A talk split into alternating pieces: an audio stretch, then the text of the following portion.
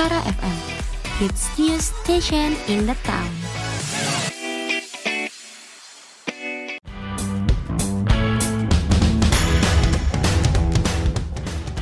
Berbara, berita bahas negara.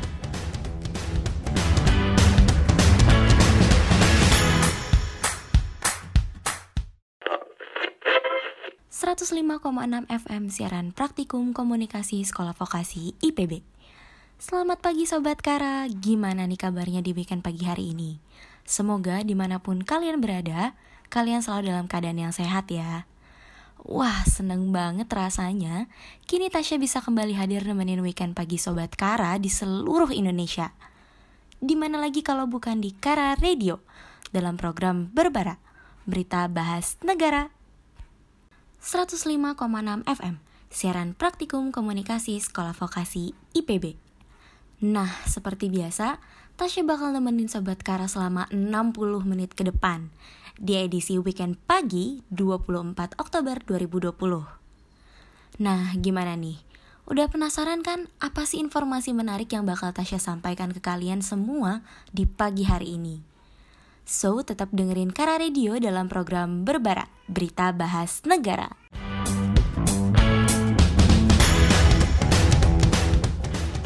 Berbara, Berita Bahas enam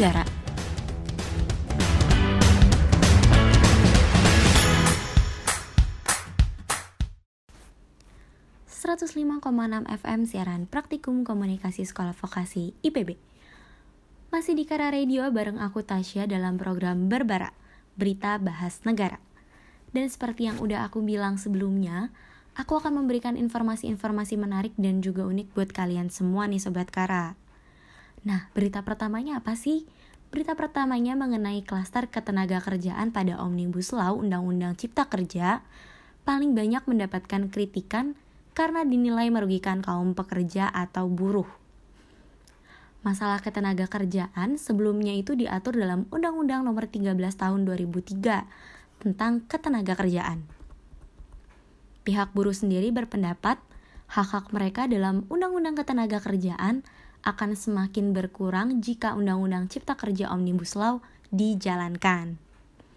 Sebaliknya, pemerintah menganggap munculnya ketidakpuasan hingga gelombang penolakan pada Undang-Undang Cipta Kerja disebabkan oleh hoaks pada tayangan konferensi pers virtual yang ditayangkan di kanal YouTube Sekretariat Presiden, Jumat 9 Oktober 2020 lalu, Bapak Presiden Jokowi berkata, "Saya melihat unjuk rasa penolakan Undang-Undang Cipta Kerja yang pada dasarnya dilatar belakangi oleh disinformasi mengenai substansi undang-undang ini dan hoaks di media sosial." Kedua aturan yang terkait dengan kelangsungan hidup pekerja ini memang memiliki perbedaan Perbedaan itu mencakup tentang hak, kewajiban, dan perlindungan pekerja. Dan karena disahkannya perundang-undangan Omnibus Law ini, membuat para mahasiswa dan juga buruh turun ke jalan untuk melakukan demonstrasi pada 8 Oktober 2020 lalu. Aduh, semoga masalah ini cepat selesai ya Sobat Kara karena aku khawatir banget nih sama teman-teman mahasiswa dan juga buruh yang ikut demonstrasi karena kan keadaannya kita juga masih darurat COVID-19 ya. Jadi ya semoga nggak ada apa-apa deh. Oh iya, biar kita semua tahu dan gak penasaran, gimana sih suasana demo 8 Oktober lalu dan apa aja sih yang ada disuarakan para mahasiswa nih yang menjadi uh, unek-unek mahasiswa juga dan juga buruh pada demon demonstrasi tersebut. Nih, di sini udah hadir salah satu mahasiswi dari Sekolah Vokasi Institut Pertanian Bogor, yaitu Amelia Yunita, yang pada 8 Oktober lalu ikut turun aksi ke jalan.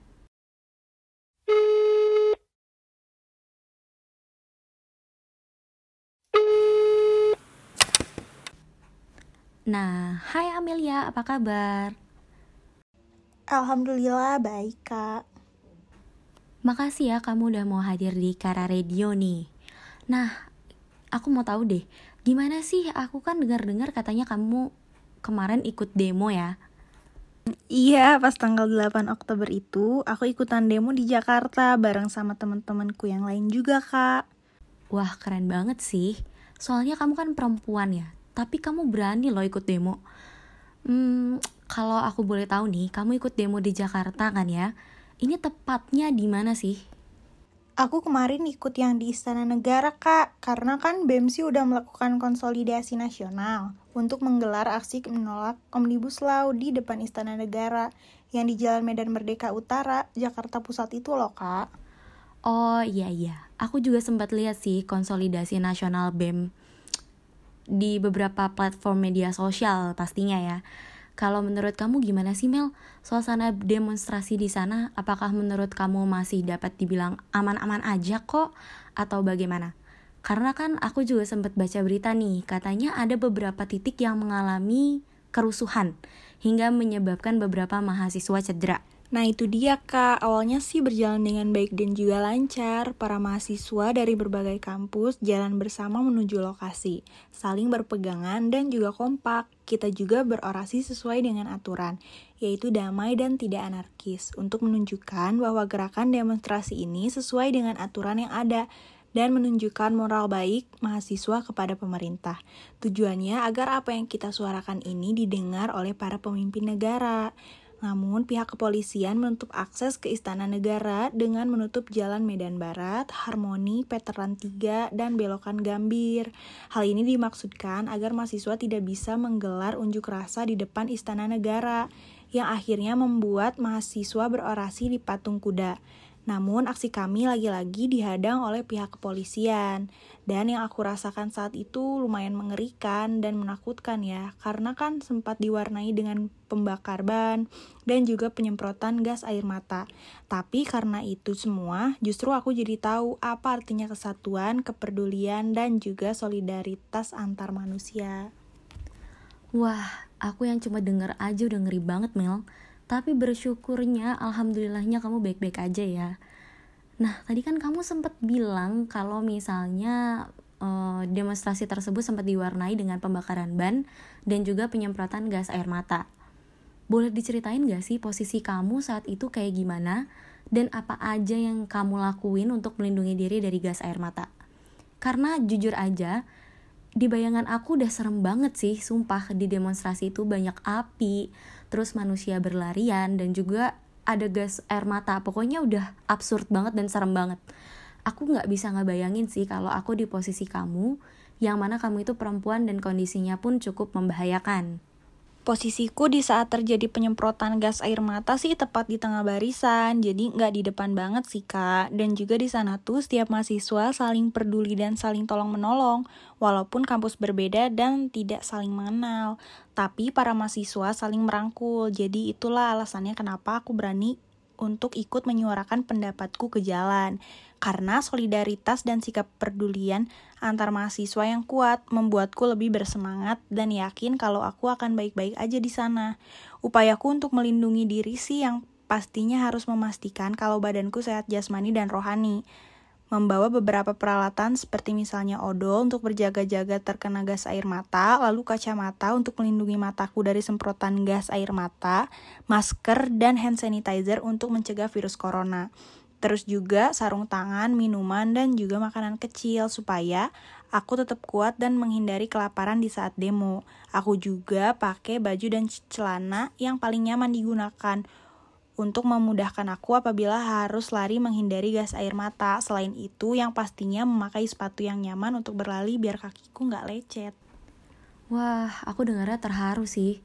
Karena kalian ternyata sekompak itu ya sebagai sesama rakyat dan sesama manusia secara nggak langsung kalian udah nunjukin betapa pentingnya rasa peduli terhadap sesama untuk kita tetap bisa mencapai suatu keadilan.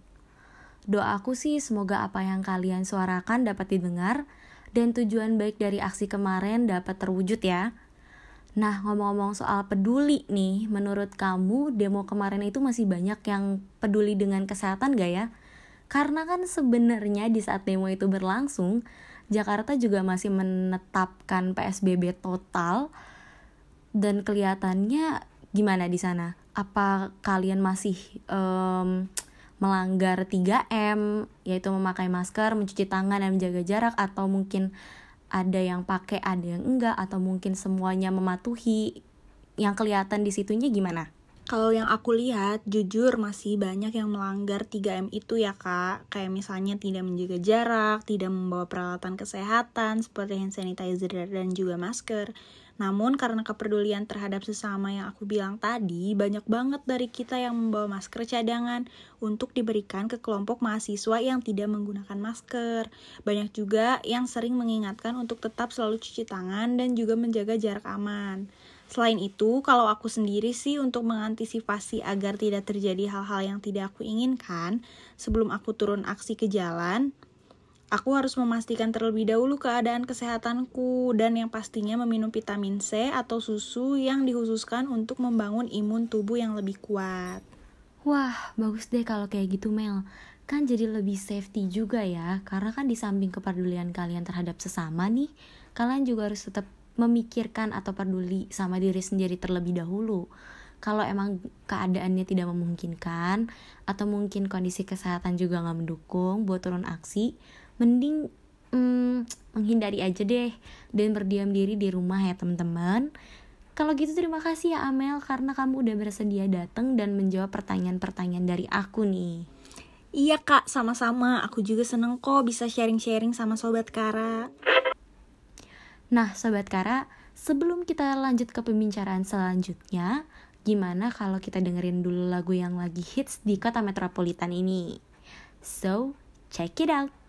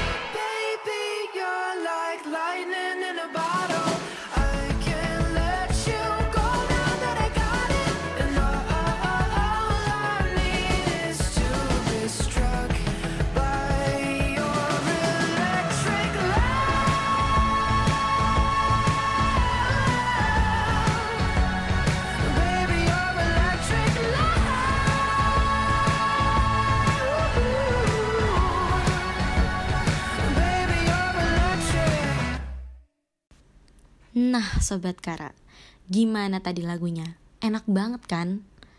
Oke, sebelum lanjut aku mau tanya-tanya nih.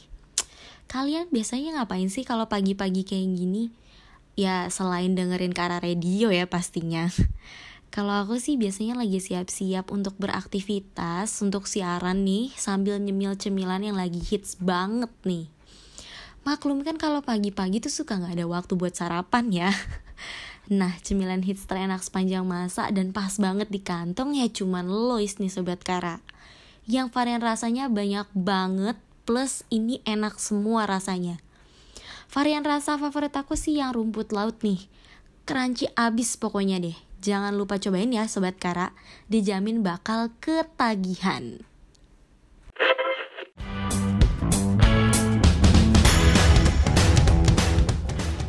Berbara Berita Bahas Tenggara.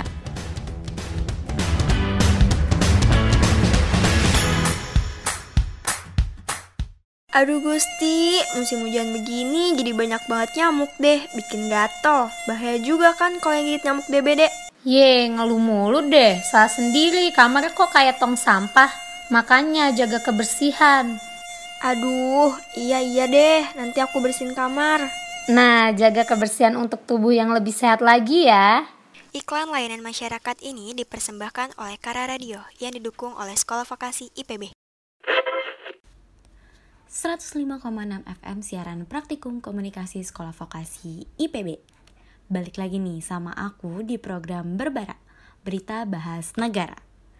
Nah, Sobat Kara, Informasi menarik selanjutnya bakal aku sampaikan ini mengenai status PSBB di Jakarta yang kini udah berubah dari PSBB total menjadi PSBB transisi sejak 11 Oktober lalu.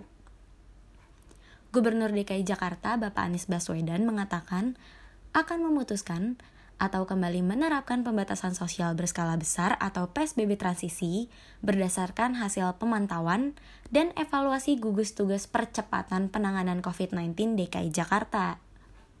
Pertimbangannya kata Bapak Anies adalah adanya perlambatan kenaikan kasus positif dan kasus aktif meski masih menjadi uh, peningkatan penularan ya tetap terjadi melalui keterangan tertulisnya Bapak Ahad 11 Oktober 2020 lalu, Bapak Anies mengatakan keputusan ini didasarkan pada beberapa indikator, yaitu laporan kasus harian, kasus kematian harian, tren kasus aktif, dan tingkat keterisian rumah sakit rujukan COVID-19.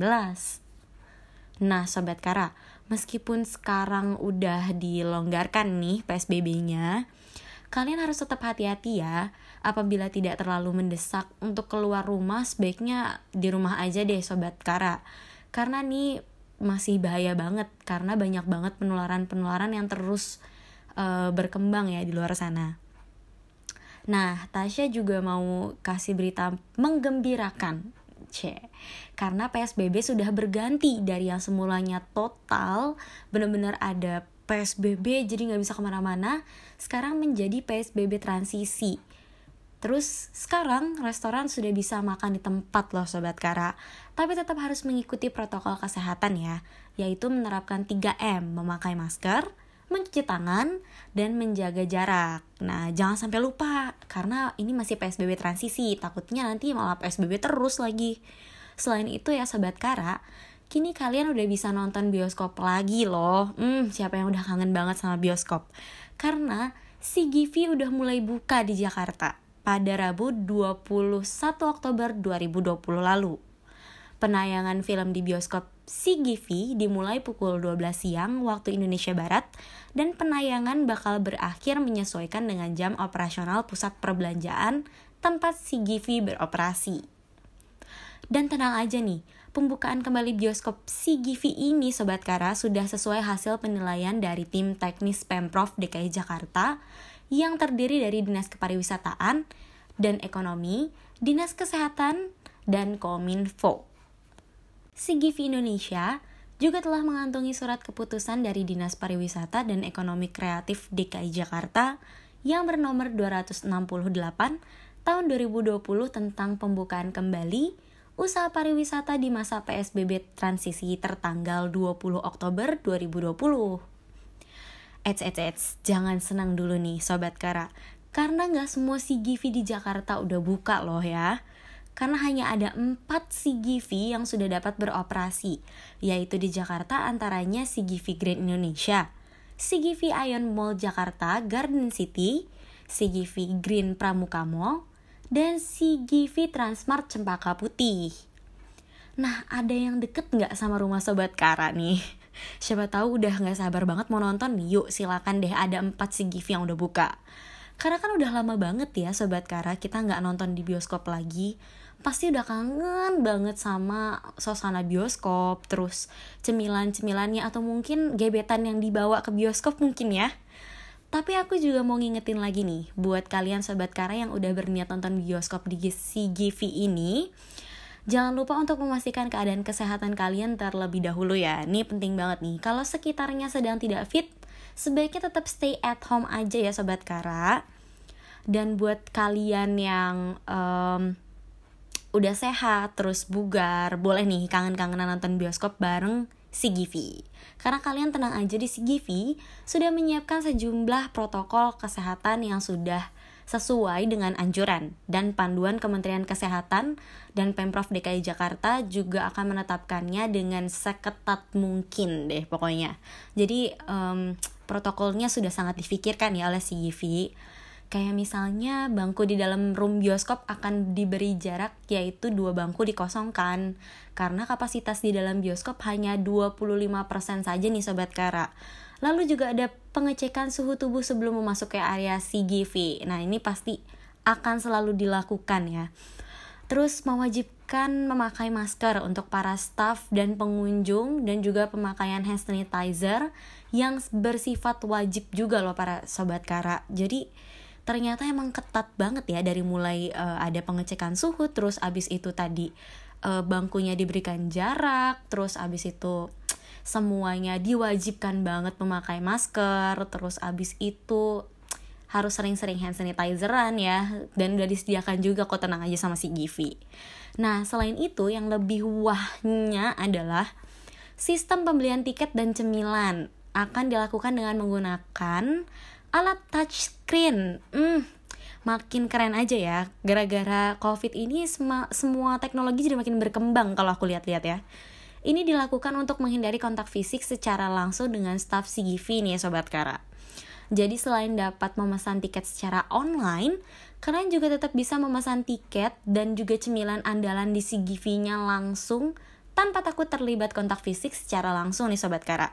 Keren banget kan?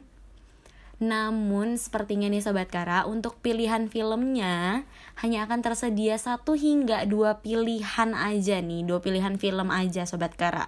Jadi apabila kalian ingin nonton ke CGV, usahakan untuk mencari tahu terlebih dahulu, hmm, kira-kira uh, lagi ada movie apa ya hari ini, kayak gitu-gitu. Jadi kalian tuh mending mencari tahu terlebih dahulu informasi film-film atau mungkin informasi penting lainnya di platform media sosial yang bersangkutan. Nah, berbeda nasib dengan si Givi nih, XX1 belum bisa buka karena belum memiliki stok film nih Sobat Kara. Kabarnya sih ini disebabkan karena film Amerika atau luar negeri lainnya yang biasanya menjadi langganan dari XX1 belum berani memberikan film apabila kapasitas bioskop hanya 25% aja nih Sobat Kara. Sayang banget ya kalah gercep deh sama si Givi nih XX1. Oke, Ketua GPBSI Joni Syafrudin saat dihubungi detik.com pada Kamis 22 Oktober 2020 lalu, Joni menceritakan pihak XX1 baru berani beroperasi kembali jika pemerintah di DKI Jakarta memperlakukan kapasitas penonton hingga 50%. Hal ini juga menjadi syarat dari pemasok film nasional dan film mancanegara. Sikap CGV yang tetap beroperasi dikatakan Jonit karena pasokan filmnya berasal dari negara K-pop ya. Nih buat teman-teman yang suka drakor dan segala macam, tenang, pemasoknya sudah memasok film lagi nih di Indonesia atau buah kerjasama yang selama ini terjalin. Jadi kuncinya adalah di film nih teman-teman. Kalau uh, si Givi udah berani karena pemasok filmnya sudah berani juga memasok film. Tapi kalau XX1 kita tunggu aja ya. Kira-kira berani nggak ya pemasok filmnya? Karena kan ini masih 25% sedangkan katanya harus 50% nih minimal ya. Ya semoga cepet-cepet deh bioskop ini dua-duanya bisa buka lagi dan bisa beroperasi kembali. Jadi harus ada long term ke depan nih Sobat Kara. Joni juga menjamin jika pemerintah memperlakukan kapasitas pengunjung minimal 50% dari masing-masing teater, maka perusahaan bioskop bisa mengoperasikan di seluruh wilayah Indonesia. Kalau aja pemerintah pemasok 50% untuk kapasitas ruangan bioskop, nanti XX1 dan bioskop resmi lainnya akan mulai didistribusikan kembali ke seluruh Indonesia dan mainnya bareng guys. Jadi ini tuh bener-bener ya seperti yang tadi dibilang ya, menunggu pemasokan dari orang-orang yang membuat film. Ya, balik lagi emang kendalanya ada di pemasok film. Nah, sebenarnya sih itu yang disukai sama masyarakat atau anak muda di Indonesia ya Sobat Kara karena jadi banyak pilihan gitu. Tapi nih ya Sobat Kara, meski saat ini hanya diperbolehkan 25% aja, pembukaan kembali bioskop diharapkan juga bisa mengai meng menggairahkan kembali. Hmm, sampai belibet. Saking senengnya kalau misalkan bioskop itu udah mau mulai buka ya jadi bisa menggairahkan kembali aktivitas rumah produksi atau production house dalam memproduksi film-film nasional dan membantu memulihkan ekonomi di sektor industri kreatif. Khususnya di perfilman nih Sobat Kara. Selain itu juga dengan dibukanya kembali CGV ini, maka juga membantu beberapa pekerja CGV ya pasti pas CGV tutup mereka pada nggak bisa kerja karena ya CGV-nya tutup terus mereka mau kerja di mana kan dan mereka jadi nggak punya uh, apa ya nggak punya gaji jadi nggak bisa makan atau mungkin harus menjual ini menjual itu gitu ya kalau begini kan sedikit demi sedikit uh, laju perekonomian dan tingkat pengangguran yang menurun karena COVID-19 cepet-cepet teratasi dan ditemukan jalan keluarnya ya Sobat Kara. Dan juga ya Sobat Kara, Perseroan menyatakan pembukaan bioskop dengan protokol kesehatan yang ketat sekaligus akan menjadi edukasi emiten berkode saham Blitz tersebut kepada masyarakat bahwa menonton di bioskop aman dan nyaman karena mematuhi protokol kesehatan yang ada. Di sisi lain, Blitz belum bisa menyimpulkan antusiasme masyarakat dalam menyambut kembali pembukaan bioskop setelah sempat tutup selama 7 bulan belakangan. Namun ia membocorkan judul film yang paling banyak diminati calon penonton tercermin dari tingginya angka penjualan tiket daring yaitu adalah film Peninsula. Film Peninsula ini Sobat Kara emang gak ada lawan sih. Dia seru banget soalnya ini adalah film yang adaptasi dari film Train to Busan itu loh. Jadi kalau misalnya kalian udah pernah nonton film Train to Busan ini tuh ada film Peninsula, Peninsula namanya ini tuh sama ternyata dia tuh mengadaptasi dari film Train to Busan jadi pasti seru banget sih yang horor-horor gitu kan mencekam di kereta hmm Semoga ini bisa jadi uh, pembangkit kalian lagi untuk nonton nih. Gimana? Penasaran gak nih kalian sama filmnya? Kan pasti penasaran banget sih. Karena apa ya, film Train to Busan aja udah keren banget. Gimana kalau misalnya film ini lebih keren lagi gitu? Pasti kan jadi banyak juga yang minat nonton. Selain itu, Adapun film lainnya bisa disaksikan di bioskop CGV, jadi ada lagi nih filmnya. Bukan cuman itu doang, si Peninsula doang, ternyata ada lagi.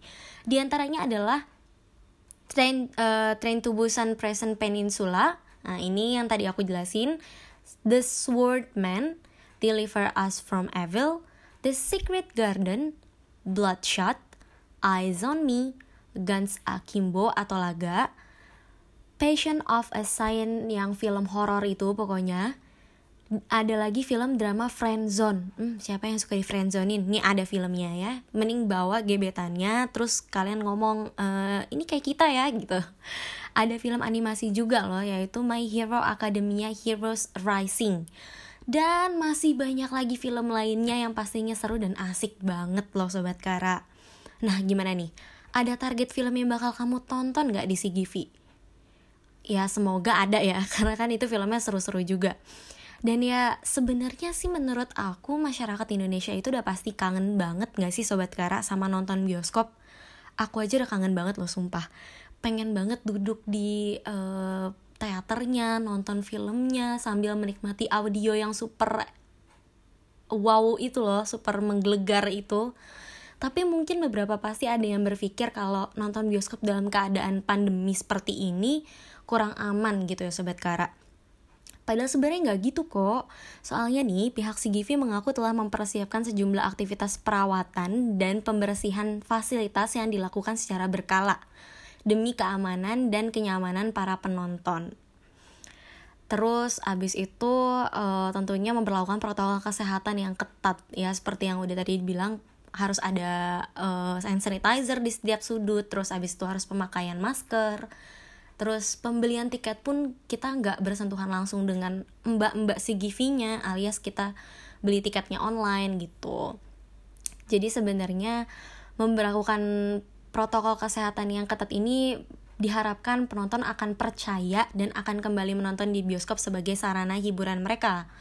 Tapi nih ya Sobat Kara, menurut Ketua Gabungan Pengelola Bioskop Seluruh Indonesia, Joni Syafruddin menjelaskan tanggal yang menjadi acuan dibukanya kembali bioskop masih bersifat tentatif atau dapat berubah, tergantung dengan situasi dan kondisi pandemi COVID-19 ini nih. Aduh, pokoknya buat kalian yang udah kangen banget dengan bioskop atau suasana nonton bioskop sambil ngemil, ngemil, hmm, sambil ngemil tuh. Udah saking ngilernya pengen ngemil popcorn kesukaannya di bioskop, kalian wajib cobain sih ini. Tapi tetap ya, harus dalam keadaan yang sehat dengan imun yang kuat, jangan sampai ingin berlibur tapi malah jadi terserang penyakit nih. Ih, aku sih takut ya. Jadi kayaknya aku harus melihat dulu kondisiku kalau mau nonton gitu.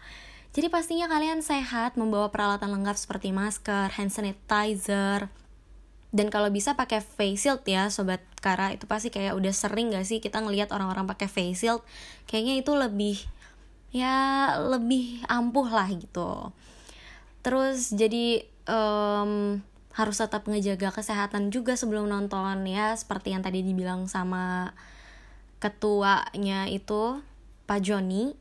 Dia bilang bahwa sebenarnya bagus-bagus aja kok nonton di fil uh, nonton film di masa pandemi ini. Gak usah takut atau segala macam karena ternyata mereka sudah memikirkan protokol kesehatannya.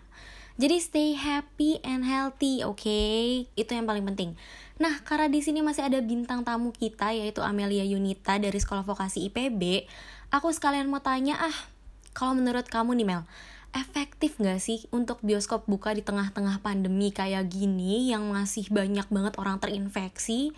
Karena kamu kan juga anak muda ya, pasti suka nonton bioskop juga nih. Jadi kalau udah dibuka kayak gini, kamu bakalan nonton atau mm, nggak dulu deh nunggu semuanya reda, nunggu semuanya kembali normal baru deh aku nonton lagi.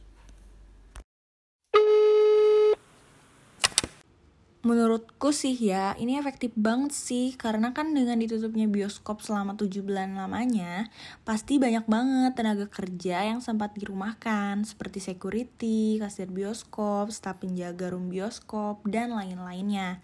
Nah, dengan dibuka kembalinya bioskop ini, aku yakin banget ini pasti akan ngebantu mereka yang dirumahkan untuk mendapatkan kembali pekerjaan dan tentunya penghasilan untuk biaya hidup mereka. Selain itu, ini ngebantu banget sih untuk industri perfilman, baik itu dari lokal maupun luar negeri. Karena kan pastinya pendapatan dan kegiatan mereka sudah berkurang drastis selama adanya pandemi ini. Sehingga yang seharusnya film-film yang sudah dijadwalkan akan tayang di tahun ini terpaksa diundur untuk waktu yang tidak jelas gitu, yang tidak dapat ditentukan kapan gitu. Dan kalau aku sendiri sih, jujur udah kangen banget sama bioskop karena aku termasuk orang yang suka banget nonton deh pokoknya. Terlebih lagi di bioskop, soalnya kayak suasananya tuh beda banget, kayak adem, layarnya lebar banget, jadi kita tuh puas nontonnya. Terus tempat duduknya nyaman, suaranya juga jelas, dan bikin yang bikin kita serunya tuh deg-degannya gitu. Ditambah lagi nih ya, popcorn karamel andalan bioskop tuh aduh tidak tanding deh pokoknya. Enak banget deh. Jadi kalau aku sih udah pasti akan nonton ya kak untuk melepas rindu sekedar mengingat suasana yang udah lama banget gak aku temuin di tujuh bulan terakhir. Wah iya kan? Aku setuju sih sama kamu Mel, karena dengan dibukanya bioskop-bioskop ini nih, seperti sekarang, pasti banget akan membantu orang-orang yang sangat membutuhkan pekerjaan tersebut. Maksudnya di bidang perfilman itu entah itu dari perfilmannya, productionnya, aktornya, aktrisnya atau mungkin para staffnya. Dan masih banyak lagi walaupun ini masih kecil-kecilan yang ibaratnya nggak semua bioskop dibuka tapi tetap aja sih menurut aku ini ngebantu banget nah Mel menurut kamu nih di kota metropolitan ini dan yang pastinya tingkat penyebaran virus COVID-19 juga ini akan lebih tinggi ya. Ini membahayakan gak sih buat kamu dan para film addicted yang berencana nonton di bioskop? Menurutku sih semua ada resikonya kak Cuma ya kita bisa mencegah itu semua dengan menjaga kesehatan Mengikuti protokol kesehatan yang ada Mengikuti perintah dan aturan yang dibuat oleh pihak CGV juga dan melakukan 3M yang seperti memakai masker, mencuci tangan, dan menjaga jarak. Aku yakin sih ini akan tetap efektif untuk menjaga kita dari virus jahat. Hmm, bener banget nih Sobat Kara. Apa yang dikatakan sama Amel barusan harus kalian dengerin dan dicontoh pastinya. Jangan cuma masuk kuping kanan, keluar kuping kiri ya. Karena meskipun udah banyak tempat hiburan yang dibuka, untuk menikmati layanan dan fasilitas itu semua, kita juga harus mementingkan kesehatan kita terlebih dahulu. Hmm, garis bawahi ya, mementingkan kesehatan kita terlebih dahulu. Jadi tetap gunakan masker, menjaga jarak, dan mencuci tangan ya Sobat Kara. Jangan sampai dilupain pokoknya. Nah, kalau kamu sendiri nih Mel, film apa sih yang lagi kamu pengen banget nonton di bioskop yang tadi aku udah sebutin deh? Apa aja sih mungkin penasaran gak sih sama film-film itu? Ada nggak yang pengen banget gue tonton gitu kayak aduh pengen nih gue nonton ini kalau misalnya nanti bioskopnya udah buka atau mungkin ada yang sebenarnya kamu udah tahu mau coming soon atau gimana gitu? Ada nggak Hmm, aku sih lagi penasaran banget sama film Train to Busan yang kedua itu kak, yang judulnya Peninsula. Udah kebayang sih nonton di bioskop dengan suasana yang nyaman, suara yang besar, apalagi kapasitasnya yang masih sedikit. Terus nontonnya zombie, aduh seru banget sih itu. Terus juga katanya film Peninsula itu tuh happy ending, jadi sedikit berbeda sama film Train to Busan. Nah, aku jadi lebih penasaran lagi sih sama alur ceritanya, kayak gimana gitu. Karena aku sempet lihat trailernya juga di beberapa platform media sosial, jujur bikin penasaran banget sih kak. Wah, kayaknya kita seselera deh Mel. Aku juga suka banget nih sama film yang genrenya misteri dan horor kayak zombie gitu. Tapi kalau kamu mau nonton, tetap jaga kesehatan dan patuhi protokol kesehatan ya Mel. Iya dong kak, karena aku juga gak mau cuma karena menuhi keinginan aku untuk bersenang-senang, eh malah jadi sakit dan bisa menularkan juga ke orang lain. Jadi aku akan tetap memastikan terlebih dahulu kondisi kesehatan aku sebelum pergi nonton bioskop gitu sih kak. Hmm, bagus, bagus ya, bagus. Gak apa-apa gitu aja. Oke, makasih banyak ya Amel. Ya ampun, kamu udah nemenin aku siaran selama beberapa menit nih, uh, sih.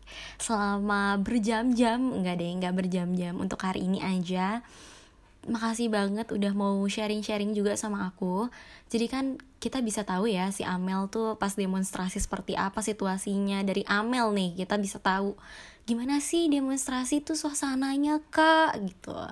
Terus tentang bioskop mungkin ada cowok yang lagi naksir Amel jadi bisa tahu oh ternyata Amel tuh sukanya film horor misterius misterius gitu. Kan jadi bisa langsung cek uh, di CGV ada film apa ya? Kayak gitu. Makasih banyak Amel. Oke. Okay. nah setelah dengerin informasi mengenai PSBB transisi tadi nih uh sampai ngomongnya transisi ya kan? Transisi PSBB transisi. Dan beberapa kabar gembira tadi pasti sobat Kara semuanya udah nungguin the next playlistnya kan? Nah sabar dulu. Sabar karena aku baru selesai ngomong aku juga pengen menghibur diriku sendiri ini ada playlist yang sering banget kita dengerin sih. Lagi hits banget nih minggu ini. Ya udah daripada lama-lama langsung aja kita dengerin lagunya. Check it out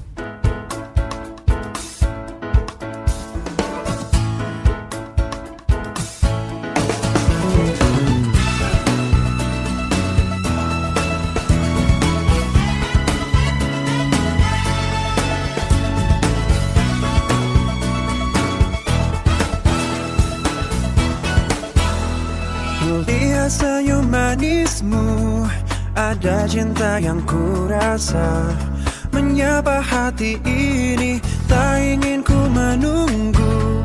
Jadi kalau aku oh cinta Kekasih pilihan di hatimu. Ku percaya dirimu satu cintaku. Tuhan tolong aku Katakan padanya Aku cinta dia.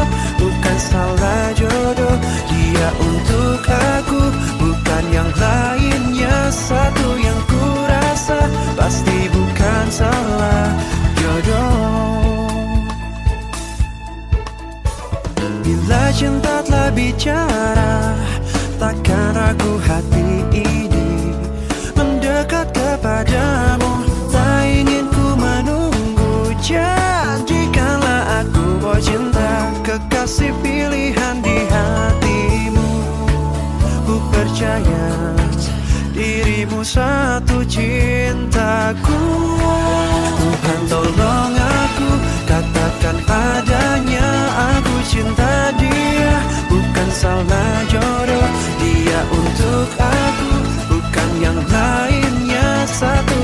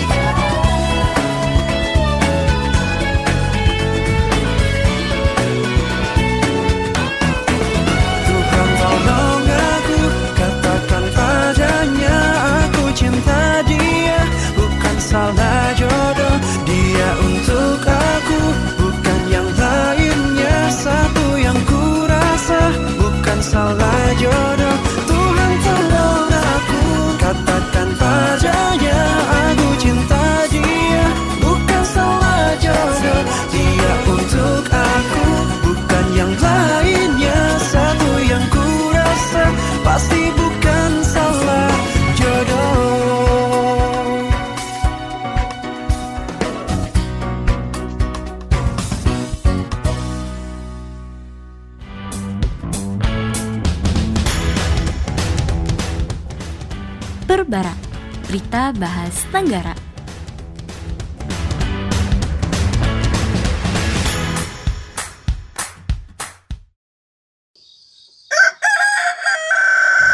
Ma, aku berangkat dulu ya.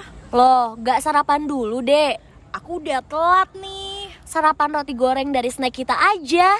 Emang roti goreng cocok ya buat sarapan? Gak usah khawatir, roti goreng dari snack kita sangat cocok untuk dimakan kapan pun dan di mana pun. Dengan tekstur yang crunchy di luar, serta roti yang lembut di dalam, sangat cocok menjadi pilihan saat lapar. Ditambah, gampang dibawa ke mana pun dan gak ribet. Wah, menarik banget mah. Kalau gitu aku mau dong bawa mah. Tentu, nih buat kamu. Kasih mah.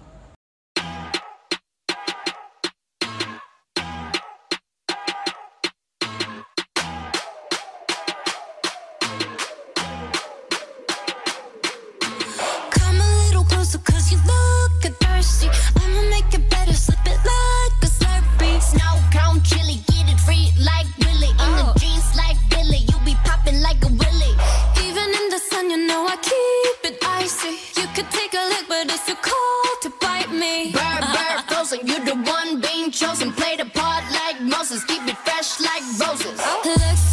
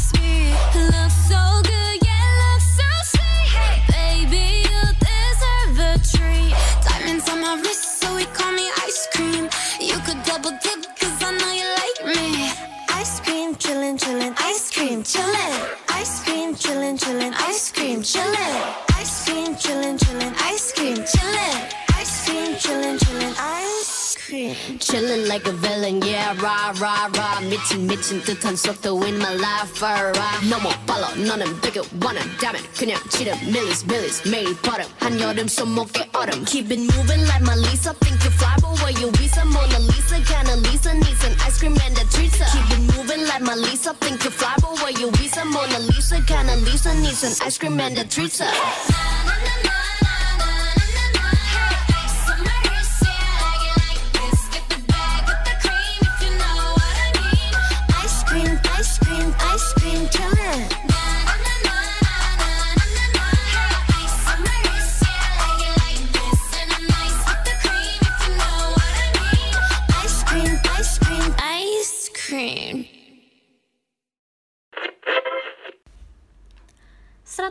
FM siaran praktikum komunikasi sekolah vokasi IPB.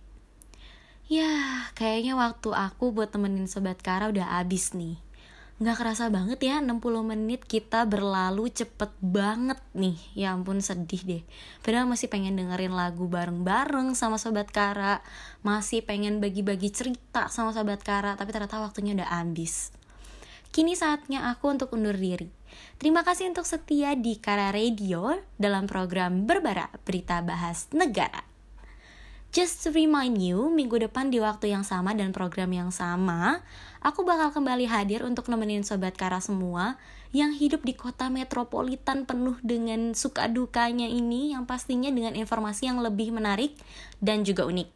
Nah, Tasya kasih lagu terakhir yang asik banget nih buat jadi penutup. Buat didengerin juga, dan ini lagunya lagi hits banget minggu-minggu ini. So, check this out dan selamat siang. Selamat melanjutkan aktivitas ya Sobat Kara semuanya. Bye!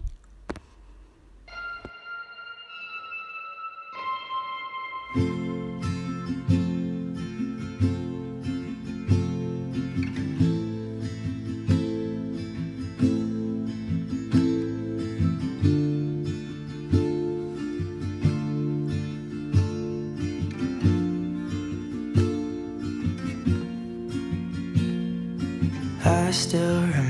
remember 3rd of December. Me in your sweater. You said it looked better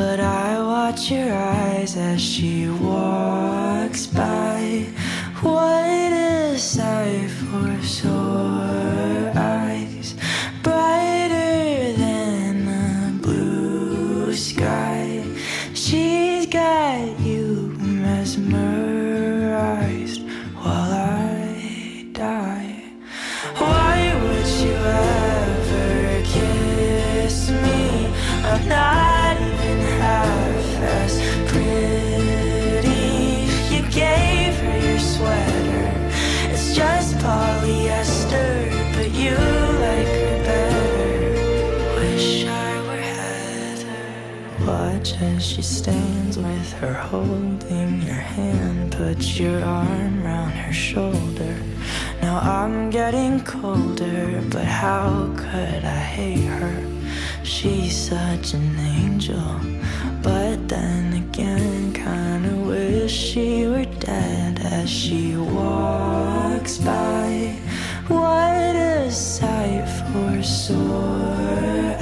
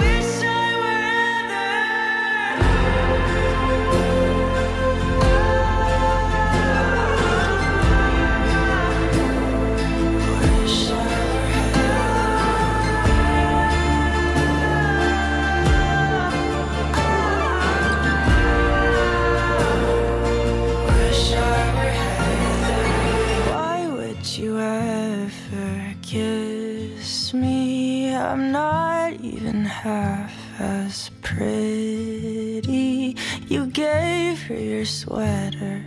It's just polyester, but you like her better. Wish I were